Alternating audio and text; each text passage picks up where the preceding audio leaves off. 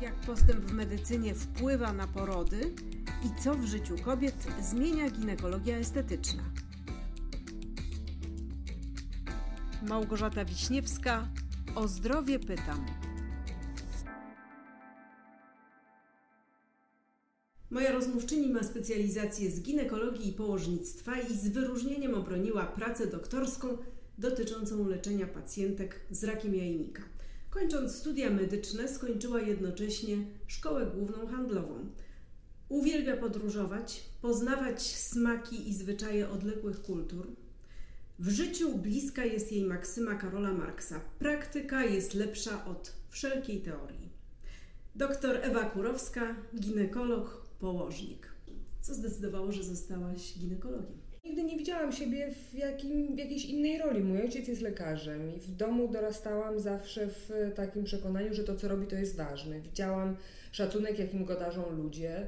Y, był i, i bodajże chyba nadal jest jedynym lekarzem w swojej specjalności, jest urologiem w promieniu 50 kilometrów, y, więc naprawdę miałam okazję zobaczyć, jak to jest być dobrym w kimś i, i, i zyskać tym sobie uznanie i szacunek ludzi, ale jednocześnie robić, i robić coś dobrego i spełniać się w tym i, i czerpać z tego satysfakcję.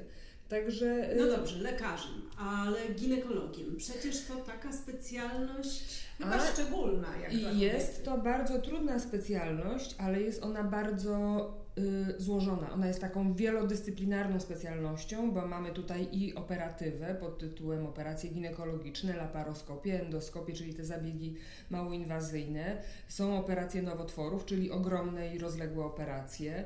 Mm, I to jest ta taka jedna część, a druga strona to jest położnictwo, czyli to, co jest piękne, wiąże się z, z narodzinami, jest y, endokrynologia, czyli taka trochę interna, bym powiedziała. Y, leczenie tabletkami, globulkami, leczenie hormonami. To wszystko, y, plus do tego cała ultrasonografia, czyli diagnostyka obrazowa. No to powoduje, że ta dziedzina jest bardzo szeroka i Wyzwanie dla I, Ciebie. I to jest wyzwanie, ale to było takie strasznie dla mnie pasjonujące, że można, że można to wszystko objąć jednym umysłem i, i być niezłym w tym, co się robi. No. Jak to jest być kobietą ginekologiem? Znaczy wiesz, jak pytasz mnie o samą pracę, to jest to ciężka praca, no bo wiadomo, większość dzieci y, jednak rodzi się w nocy, więc te noce są zarwane, te noce są nieprzespane. Specjalizacja jest długa, bo 6,5-letnia. Jest bardzo szerokim programem objęta, więc naprawdę trzeba się wykazać umiejętnościami i manualnymi, ale i, i takimi czysto intelektualnymi. Ale jak to jest być kobietą w takiej dziedzinie dosyć dla kobiet jednak też intymnej? Nie wiem, ja akurat należę do takich kobiet, które wolą chodzić chyba do mężczyzn. A to, a to ja się właśnie dziwię, jak można być mężczyzną i ginekologiem. No, no jak można? No przecież to jest wręcz nienaturalne, tak? Żeby oglądać, przepraszam, obce kobiety. To wręcz kobieta, kobiecie, w mojej opinii, jest w stanie powiedzieć: O, ja też tak miałam, ja też to czułam, albo O, wiem, co czujesz w tym i w tym momencie, bo przecież mamy te same narządy, mamy te same organy, więc jesteśmy, jesteśmy sobie w stanie wyobrazić, co ta kobieta czuje, jak o czymś opowiada. Natomiast facet nie, że oni nie mają pochwy, nie mają sromu, nie mają do, do, czego, do tego czego porównać. Nie wiem, nigdy nie rodzili, nie byli w ciąży, nie wiedzą co to znaczy, jak są skurcze, jak odpłyną wody, jak, jak, jak główka gdzieś tam się wrzyna w drogi rodne i się zaczyna rodzić. I niektóre pacjentki są takie, że przyjdą do mężczyzny i wolą chodzić do mężczyzny, bo uważają, że jest delikatniejszy, że jest... Yy, wolą, tak, z jakiegoś powodu ale przychodzi też bardzo dużo pacjentek, które wolą przyjść do kobiety właśnie z, tego, z tych powodów, o których wspominałam.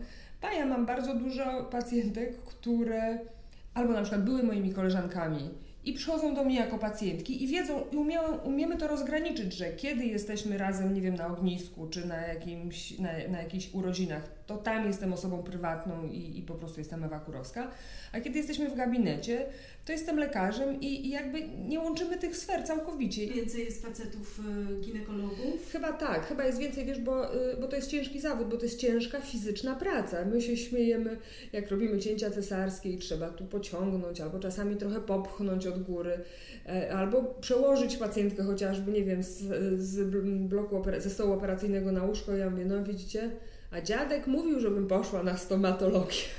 Albo ktoś mi mówił, że medycyna to jest, to jest ym, praca umysłowa. Jaka? To jest ciężka fizyczna praca, tak? Także. Y, Powiedziałaś o sytuacjach intymnych. Y, patrząc na ciebie, widzę piękną, wyzwoloną chyba kobietę, a jednak ciągle używamy słowa sytuacje intymne, czyli ginekologia wiąże się jednak z, takim, z taką dużą sferą y, wstydu, tematów tabu, odczuwasz to w jakiś sposób? Znaczy, czas? wiesz, dlaczego tak się wiąże? No, z jakiegoś jednak powodu zakładamy majtki, zakładamy biustonosze, na to wszystko zakładamy spódnice, spodnie czy bluzki. Nie chodzimy, przepraszam, z gołymi pupami, jednak ukrywamy te sfery intymne. Ta sfera intymna, czyli ta taka trochę strefa wstydu, no bo skoro zakryta, to jednak się jej wstydzimy, jest moim dostępem do pacjenta, tak jak okulista zagląda przez oko, laryngolog przez nos albo gardło czy ucho, to dla mnie y, tym to, tymi wrotami do pacjenta y, są sfery intymne właśnie. Powiedz, jak to się zmienia na przestrzeni choćby Twojej kariery zawodowej. Ja to mam wrażenie, że jak pacjentka przychodzi do ginekologa, to jednak liczy się z tym, że będzie trzeba zdjąć majtki. Ja nie traktuję już tego jako, jako temat tabu, natomiast no, na pewno zmieniają się tematy, które poruszamy z pacjentkami, bo tak jak kiedyś w ogóle nikt nie słyszał, nie widział i nikomu się nie śniło o tym, żeby oglądać sobie okolice intymne pod kątem estetycznym, no to teraz ma to ogromne znaczenie.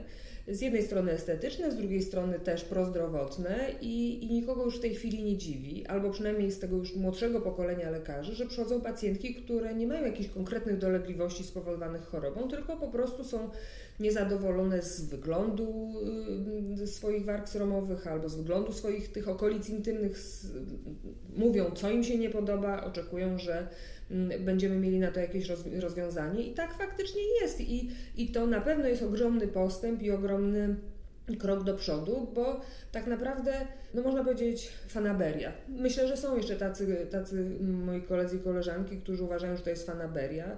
No być może tak samo uważają o tym, jak się biust robi, to, że to jest fanaberia, albo jak sobie ktoś nos poprawia, to też można to uznać za fanaberię. Ja tak nie uważam, bo ja myślę, że jeżeli... Yy, coś nam w życiu w sobie, w nas samych przeszkadza, to staramy się to zmienić, bo ta przeszkoda powoduje, że mamy gorszą samoocenę, że nie jesteśmy sami ze sobą tak do końca szczęśliwi. Więc jeżeli można coś zmienić, to dlaczego tego nie spróbować, tak? I to wtedy się później okazuje, że wow, no super, dlaczego tak długo zwlekałam, tak? Mam pacjentki, które przychodzą na operacje właśnie estetyczne, które później po miesiącu przychodzą na kontrolę i mówią, Matko, ja sobie nie wyobrażam, że ja mogłam tyle lat przeżyć w tamtym moim człowieku. Te, dlaczego ja nie zrobiłam tego 20 lat wcześniej? Na tak? przykład czego nie zrobiłam? No na przykład nie zmniejszyła warg sromowych mniejszych, które całe życie jej przeszkadzały, gdzieś tam wystawały, no ale jak chodziła do ginekologa, to no, ginekolog nic nie mówił z jednej strony, z drugiej strony ona też się wstydziła zapytać, bo nikt o tym nie mówił, nie było takich w ogóle tematów nigdzie poruszanych. W tej chwili już żyjemy w dosyć wyzwolonym świecie. Możemy... Pamiętasz swoją pierwszą pacjentkę? Pamiętam, pamiętam. To była dziewczyna lat 16, przyjechała, to była Szwedka, przyjechała z mamą ze Szwecji strasznie taka zagubiona dziewczyna, duża, taka ładna, dorodna dziewczyna, ale no nastolatka, 16 lat. I miała tak powiększone, przerośnięte wargi sromowe mniejsze, że wystawały one jej z ponad tych y, y, większych, ale wystawały na tyle, że nie była w stanie ćwiczyć na WF-ie, bo skok przez kozła, który wiązałby się z tym, że no opada się jednak kroczem na ten kozioł, powodował, że ona miała ogromne dolegliwości bólowe. Czuła się inna, czuła się zagubiona, myśmy wtedy też jeszcze nie bardzo wiedzieli, jak to robić, ale poczytaliśmy, popatrzyliśmy i, no i się okazało, że można i zrobiliśmy. No, Poza takim wyglądem, bo wygląd mhm. pewnie jakieś ma znaczenie, ale ja rozumiem, że tutaj chodzi też o inne sprawy. Nie wiem, czy zdrowotne. Zdrowotne ale... też, chociażby no, takie przerośnięte chociażby wargi stromowe przeszkadzają i przy współżyciu, bo się zawijają do środka u kobiet młodych, u których na przykład po porodach taka sytuacja ma miejsce gdzie pacjentki mówią, że no, mam wrażenie, że ta pochwa jest zbyt luźna, zbyt szeroka, że nie mają satysfakcji ze współżycia, że tam się wszystko, przepraszam, chlapie i rozciąga i czasami jeszcze jakieś tam efekty dźwiękowe do tego dochodzą. I, i, i że to powoduje, że jest nie dość, że dyskomfort, to jeszcze no, wstyd i takie trochę zażenowanie. E, to tutaj mamy różne metody. Mamy metody laserowe, mamy metody mezoterapia, tak jak w buzie ostrzykujemy różnymi preparatami, żeby podnieść jakość skóry, to to samo możemy zrobić ze śluzówką pochwy, poprawiając jej nie tylko y, y, jakby wygląd i jędrność, ale też funkcjonalność, bo ona przez to, że dostanie różnych substancji odżywczych powoduje, y, że, że jest lepiej ukrwiona, że jest lepiej unaczyniona i że jest po prostu bardziej elastyczna. Nie są to metody jakieś horrendalnie drogie, a naprawdę dają spektakularne efekty. Ginekologia, czy też w ogóle medycyna estetyczna nie jest czymś, co ja mogę pacjentowi zasugerować. Typu, na przykład, siedzimy we dwie i ja bym ci powiedziała, Małgosiu, jakie masz obstające uszy, nie przeszkadza Ci to? I co byś sobie pomyślała? Przyszłabyś do domu i byś patrzyła, kurczę, tyle lat mi nie przeszkadzały, ale może i ona ma rację. I co? I zaczęłyby Ci przeszkadzać. Czyli ja w Tobie wytworzyłabym popyt na operację y, odstających uszu, prawda? A to nie o to chodzi. Uważam, że to jest nie że to jest nierzetelne, że to jest nieetyczne wręcz. Ja wolę, żeby pacjentka przyszła i mi powiedziała: Pani doktor, przeszkadza mi to, to i tamto. Co my możemy z tym zrobić? Ja wtedy wiem, co mogę tej pacjentce zaproponować. Nigdy nie sugeruję pacjentkom, które przychodzą Pani doktor, proszę mi zaproponować, co byśmy tutaj mogły stuningować, tak? Bo są też takie pacjentki. Raz pamiętam, miałam taką pacjentkę, która miała takie bardzo, bardzo obfite wargi sromowe, y, y, te mniejsze, które no nie to ładne, co ładne, ale to, co się komu podoba, które no, być może mogły jej w niektórych sytuacjach przeszkadzać. I ja tak jakoś zasugerowałam nawet, ja mówię, czy pani nie ma z tym problemu, czy pani nie przeszkadzają? Ależ nie, absolutnie, a mój partner uważa, że są przepiękne. Ona ma rację, tak? Nie ja jestem od tego, żeby cokolwiek sugerować i naprawdę no, z tym bardzo trzeba uważać, bo można z jednej strony wpędzić człowieka w kompleksy, spowodować, że on będzie dążył do tego, żeby naprawić coś, co, co być może mu do tej pory nie przeszkadzało i wcale nie musi tego robić. Także... Wiedziałaś, że wiedza jest e, ważna, wiedza o, różn... o tym, co się dzieje, o, o zmieniających się w ogóle e, o, trendach. trendach i o, taka świadomość. Powiem Ci historię, jak ta wiedza jest ważna. Leżałam w szpitalu, to było chyba między pierwszym a drugim rokiem studiów Leżałam na reumatologii, ośmioosobowa sala. E, no wiadomo, reumatologia to choroby raczej ludzi starych i pamiętam na, mm, mm, ze mną na sali leżała taka 80 tam bodajże dwuletnia pacjentka, którą no w tym czasie, tych dwóch tygodniach leżałam, wiadomo, że spędzałam z sobą dzień i noc, no to zaczęłam do niej mówić babciu, to tak babcia co ty, babcia posłuchaj sobie tutaj y, Walkmana i pamiętam jak babcia mi mówi tak, wiesz, mm, ja to Ci zazdroszczę. Ja mówię, dlaczego ty mi babcia zazdrościsz? Ona mi zazdroszczy ci tego, że ty jesteś taka młoda. Ja mówię, no ale wiesz, ja mówię, nie mów tak, bo ja mówię, wiesz, bo to nigdy nie wiadomo, co kogo w życiu czeka. Być może, wiesz, ja za 2-3 lata, nie wiem, tfu, wpadnę pod samochód i to może ci się skończy. Ja mówię, a ty przeżyłaś te swoje 82 lata, zobacz, masz męża, dzieci, mówię, wnuki i tak dalej, masz dom, dbają o ciebie, przyjeżdżają. Ja mówię, zobacz, popatrz na to z tej perspektywy. Nie, ja ci czego innego zazdroszczę. Ja mówię, no czego? Powiedz mi. Ja ci zazdroszczę tego, że ty możesz mieć przyjemność z mężczyzną bo ja nigdy nie miałam. Ja mówię, jak to nie miałaś? Bo ja nie wiedziałam, że kobieta może mieć przyjemność z mężczyzną. Ja dopiero teraz oglądam telewizję, która się zmieniła, zaczęłam jakieś kolorowe gazety różne kupować i tam piszą, że kobieta może mieć przyjemność z mężczyzną, taką fizyczną. Ja nigdy tego nie miałam i już nie będę miała i tego jest mi szkoda. Teraz jesteś bardziej położnikiem niż ginekologiem. E, mamy taki rozdział tutaj w szpitalu i, i, i tak faktycznie jest. Ja jestem powiedzmy w tej części położniczej.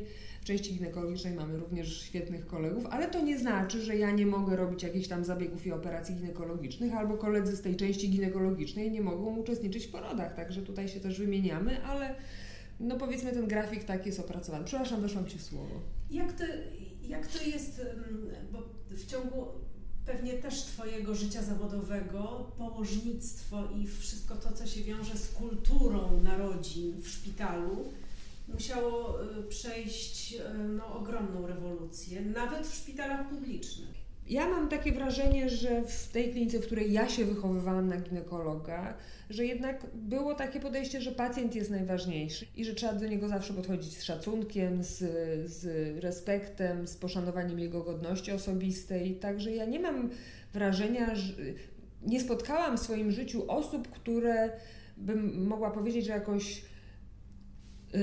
szczególnie wsławiły się, nie wiem, w, w, w gnębieniu pacjentek albo w poniżaniu. Nie, ja takich ludzi na swojej drodze nie spotkałam, ale No być Ale może drugiej są gdzieś, no. Ale z drugiej strony 11 lat temu, jak przychodziłaś tutaj i razem e, z panem profesorem Mhm. Niemcem współtworzyliście e, taki trochę... e, No, ekskluzywny świat. Ekskluzywny świat. Tak. Zupełnie była to te jed, raptem 11 lat temu, a była to, był to skok cywilizacyjny. Czym E, się różnił ten świat od tego, który zostawiłaś w szpitalu? Och, wszystkim. Przede wszystkim zapachem. Tutaj ładnie pachniało w tym szpitalu. Tu był fortepian, na którym mogłam grać, yy, yy, jak miałam dyżury.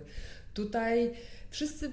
Znaczy, bardzo fajne było to, że opracowaliśmy z panem profesorem Niemcem standardy i pan profesor wtedy tworzył zespół i dobierał ludzi, którzy myśmy byli z różnych klinik, czyli byliśmy jakby spod, od innej matki, żeśmy wszyscy przyszli, ale jednak wiedzieliśmy, że przychodząc tutaj musimy, y, y, musimy zagrać tak, jak nam pan profesor Niemiec y, y, da partyturę. Także musieliśmy się wszyscy dostosować do standardów, jakie były stworzone na Co- co- potrzebę tego szpitala. Co było ważne w tych standardach? O co chodziło? O to, żeby one były jednakowe przede wszystkim, że każdy z nas postępuje tak samo i to jest charakterystyczne tutaj dla tego szpitala, a nie, że u mnie to robią tak, a w mojej klinice to robią inaczej.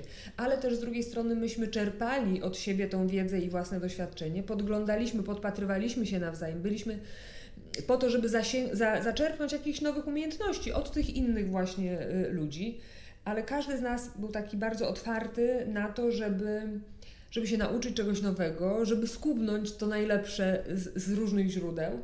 E, Wszystkim nam zależało, żeby to, żeby to stworzyć, żeby to była perełka, żeby tutaj ta klinika, żeby ona miała swoją wartość, swoją renomę i, i, no i chyba się udało. Opowiedz mi o jakimś e, szczególnym porodzie, który zapamiętałaś z jakichś powodów.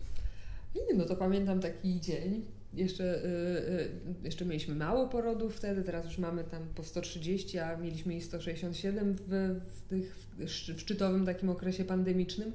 Y, Jakoś musiałam zostać w Sylwestra na dyżurze. No i panowie, którzy wtedy wychodzili, a wtedy jeden doktor zostawał na dyżurze, a nie dwóch jak teraz.